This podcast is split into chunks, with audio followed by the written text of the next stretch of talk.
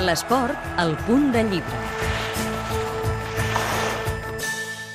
Ha participat com a jugador en un total de 6 Jocs Olímpics, els que van de Moscou 80 a Sydney 2000, en alguns d'ells màxim golejador del torneig olímpic. I això amb el mèrit afegit d'aconseguir-ho en un esport tan exigent com el waterpolo. Tota aquesta experiència acumulada per Manel Estiarte a les piscines, vestidors i també a l'entorn familiar va quedar plasmada sobre paper a Todos mis hermanos. Però quines raons han empès Estiarte a publicar?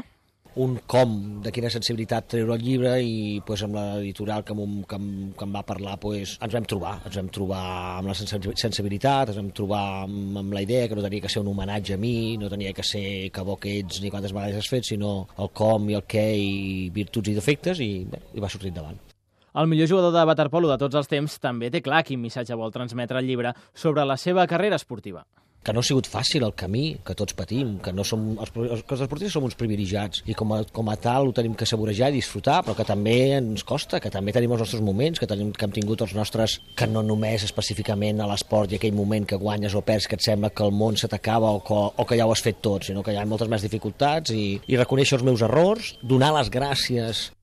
Un donar les gràcies, que és el fil conductor, de fet, del relat i que queda ben plasmat en el títol. era un, un donar les gràcies per part meva a tot, a tota la gent que, que no ho havia pogut fer quan era petit pel meu egoisme o ambició, quan era més gran perquè estava fora de Catalunya, quan per diferents motius et passa molta gent eh, al costat eh, que lluita com tu, que treballa com tu, que pateix com tu, que li tens que reconèixer moltes coses que perquè ja ho faràs demà no ho fas. I, i passat els anys amb una perspectiva més tranquil·la, més calmada, més pausada, pues, pues ho fas.